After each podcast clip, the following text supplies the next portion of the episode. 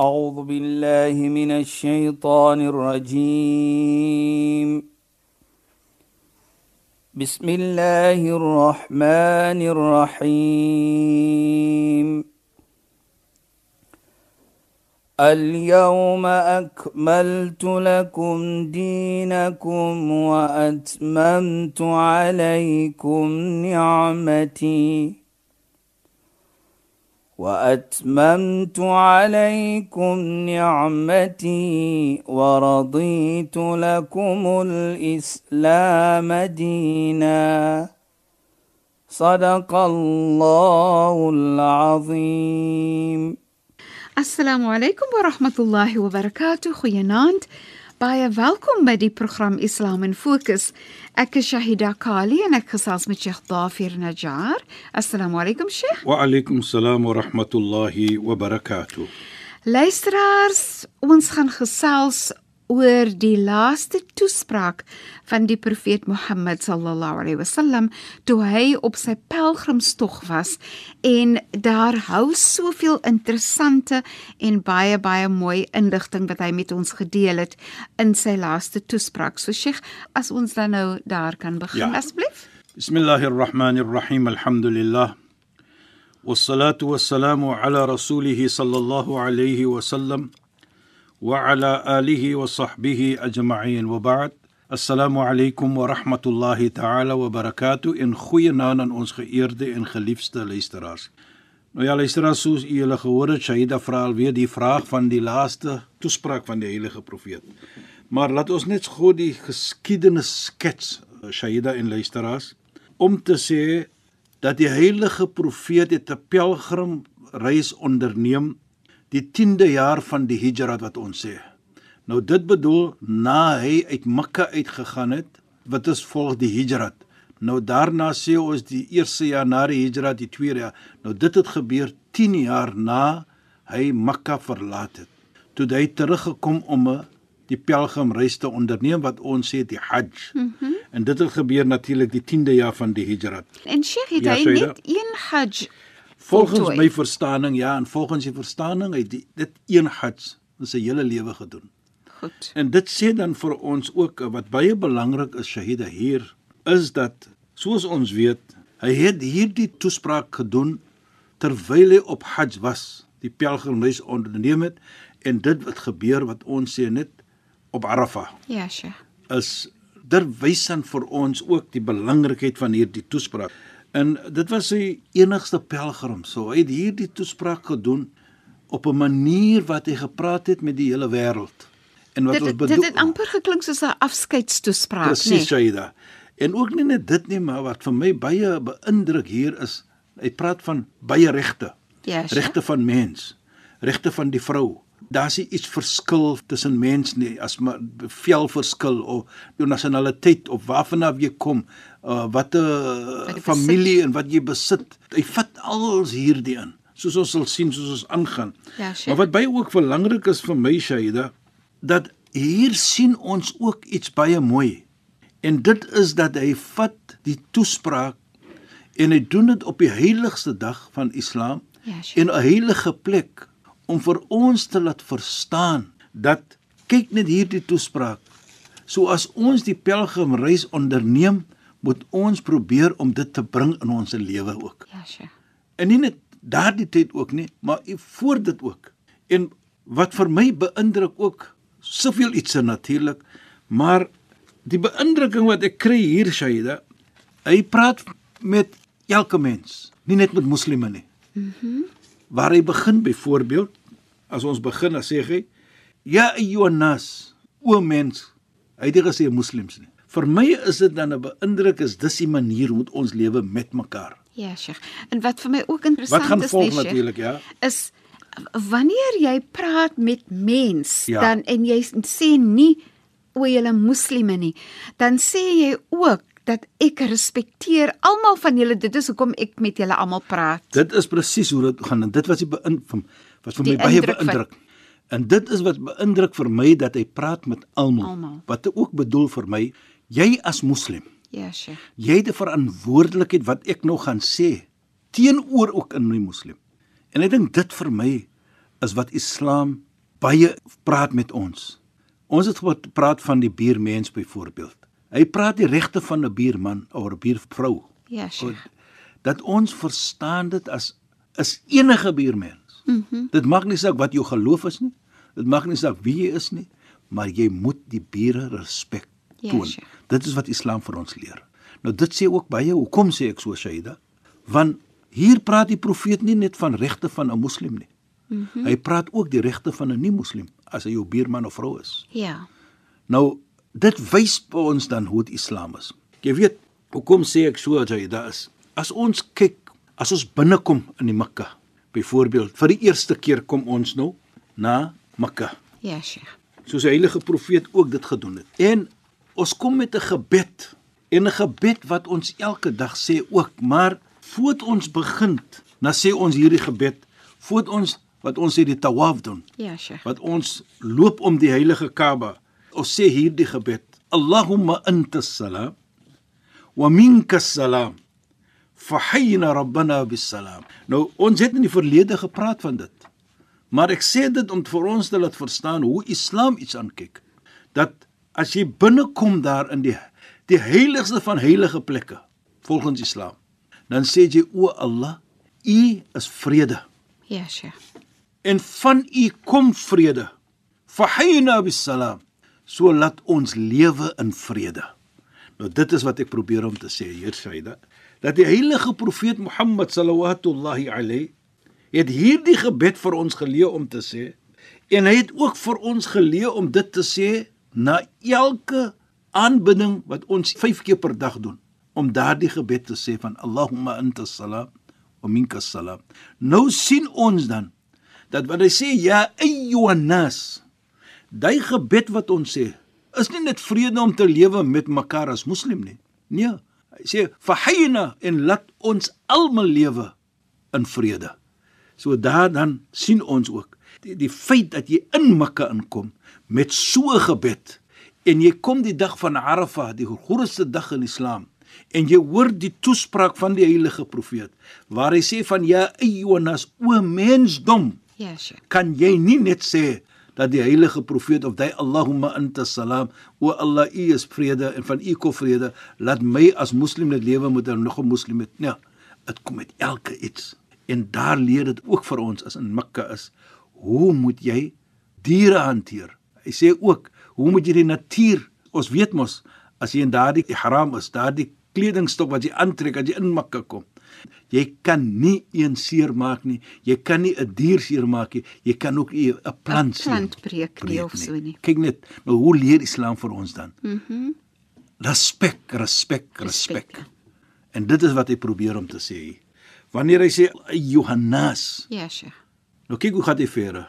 Hy sê Isma'u minni. Hoor wat ek te sê het vir julle. En hoor wat ek probeer om te sê vir julle. Hoekom? La'alli la alqaakum ba'da 'ami hada. Miskien gaan ek nie vir julle weer agter hierdie jaar ontmoet nie. En dit is hoekom dit gevoel het asof dit 'n vaarwel toespraak is, nee, Sheikh. Natuurlik Shaida. Hy sê dit mos. Ja. Dis hy gevoelendheid wat kom. Ja. Hy menslike gevoelendheid Inderdaad. wat ons altyd sal sê ek weet nie of ek volgende jaar gaan leef. Hier sê hy dieselfde. Ja. La'alli la alqaakum ba'da Miskien gaan ek nie vir julle moet Ja. volgende jaar nie. En dit net so gebeur soos ons weet. Die geskiedenis sê vir ons 2 en 'n half maande na daardie toespraak toe sterf hy. Ongeveer min of meer. So hy het daardie gevoelendheid gehad want daar word sê ons dit is 'n farewell speech. En dit is so was ek sou glo dit het hom aangemoedig om regtig 'n boodskap te gee wat hy gevoel het is belangrik vir almal van ons se lewe, vir al die mense wat nog daarna sou kom. En dit is presies wat hy sê, Shaida. Hy sê ook verre wat baie belangrik is. Hoor wat ek te sê het. En ek wil hê julle vat hierdie woorde wat teenwoordig is hier na diegene wat nie teenwoordig is nie. Ja. So, dit kom na ons ook. Ons was nie daar nie. Ja. Maar wat hy bedoel daarmee is nie net mense wat nie daar was nie, maar ook wat nog kom soos ons wat na hom gekom het. Miljoene van mense wat gekom het na hom natuurlik. Mm so ons almal dan is ons verantwoordelikheid dan om dit oor te dra na mense toe. So elke generation soos sal sê, is sy verantwoordelikheid om dit oor te dra en oor te dra en so aan te gee aan mens. En dit is presies wat hy vir ons vra ook.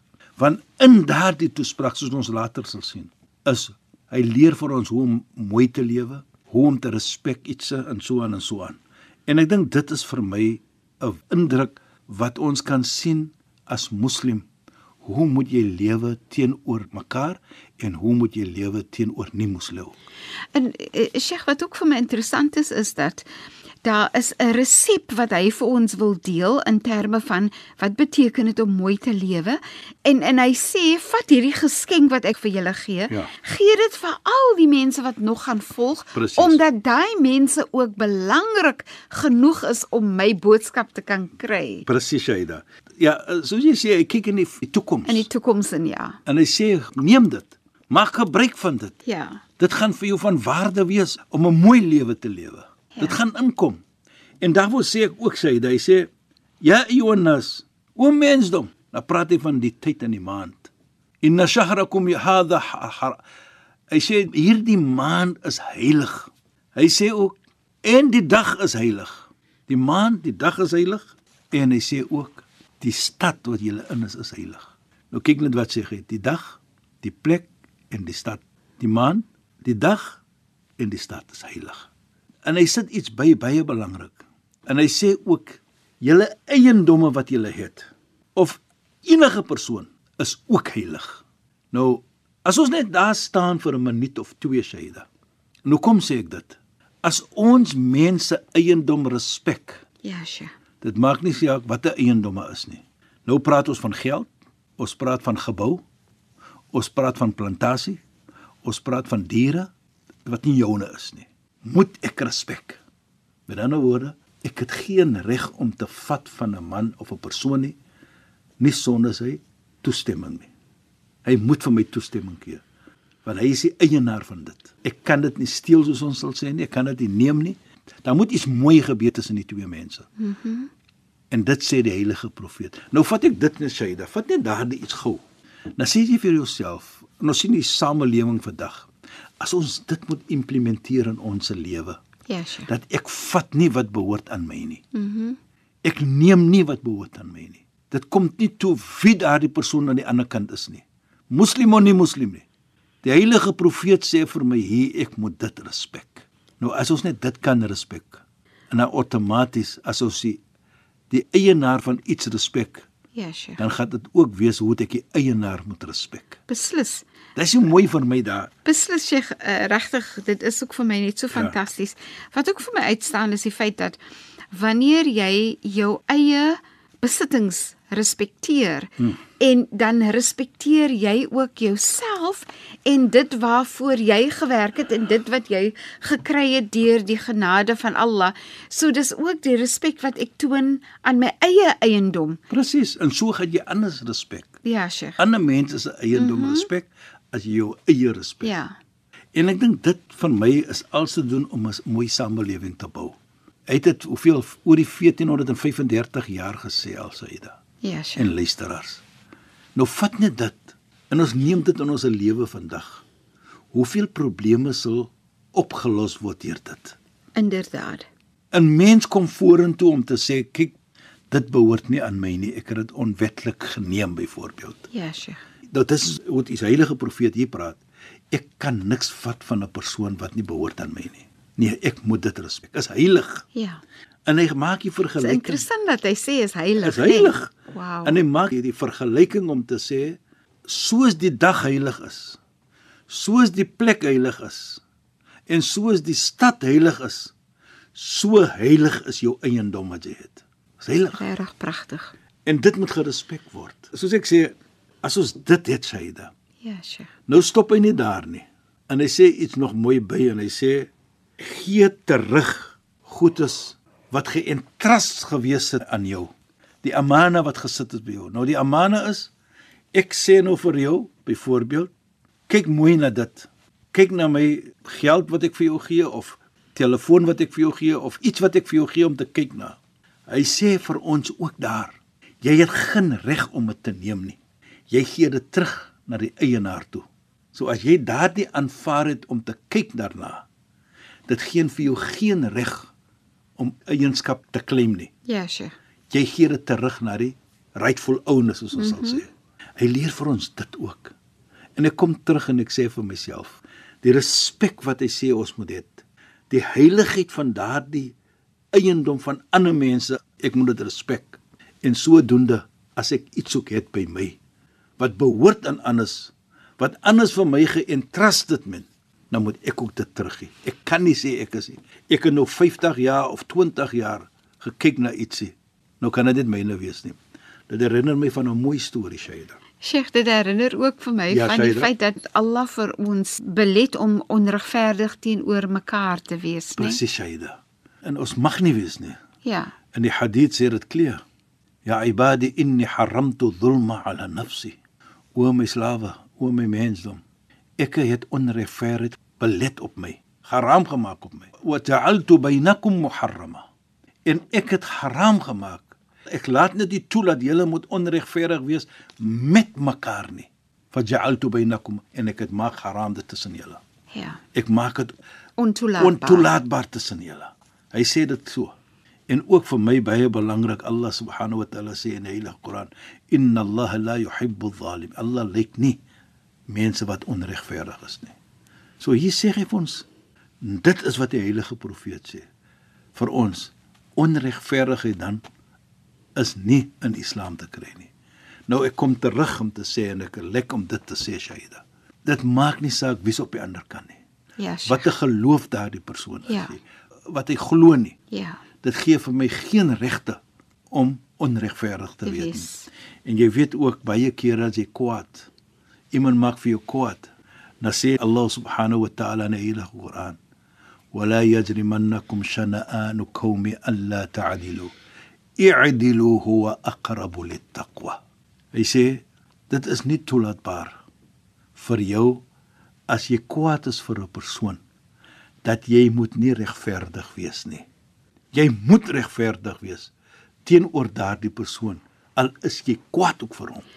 Die feit dat dit genoem word In die Koran. is ja, is Koran. juis omdat dit dit is mos maar 'n baie moeilike situasie Ja. vir mense, veral as hulle kwaad is met iemand, dan word dit makliker om onregverdig te wees met die persoon. Soos ek altyd sê, not justify it. Ja, inderdaad. Right? Hy jy soek 'n situasie om dit te justify. Ja. Maar hy sê ook i'dilu huwa aqrabu lit-taqwa. Wees regverdig want dit is die naaste aan Godvreesenheid. Nou dit is wat die heilige profeet vir ons probeer sê.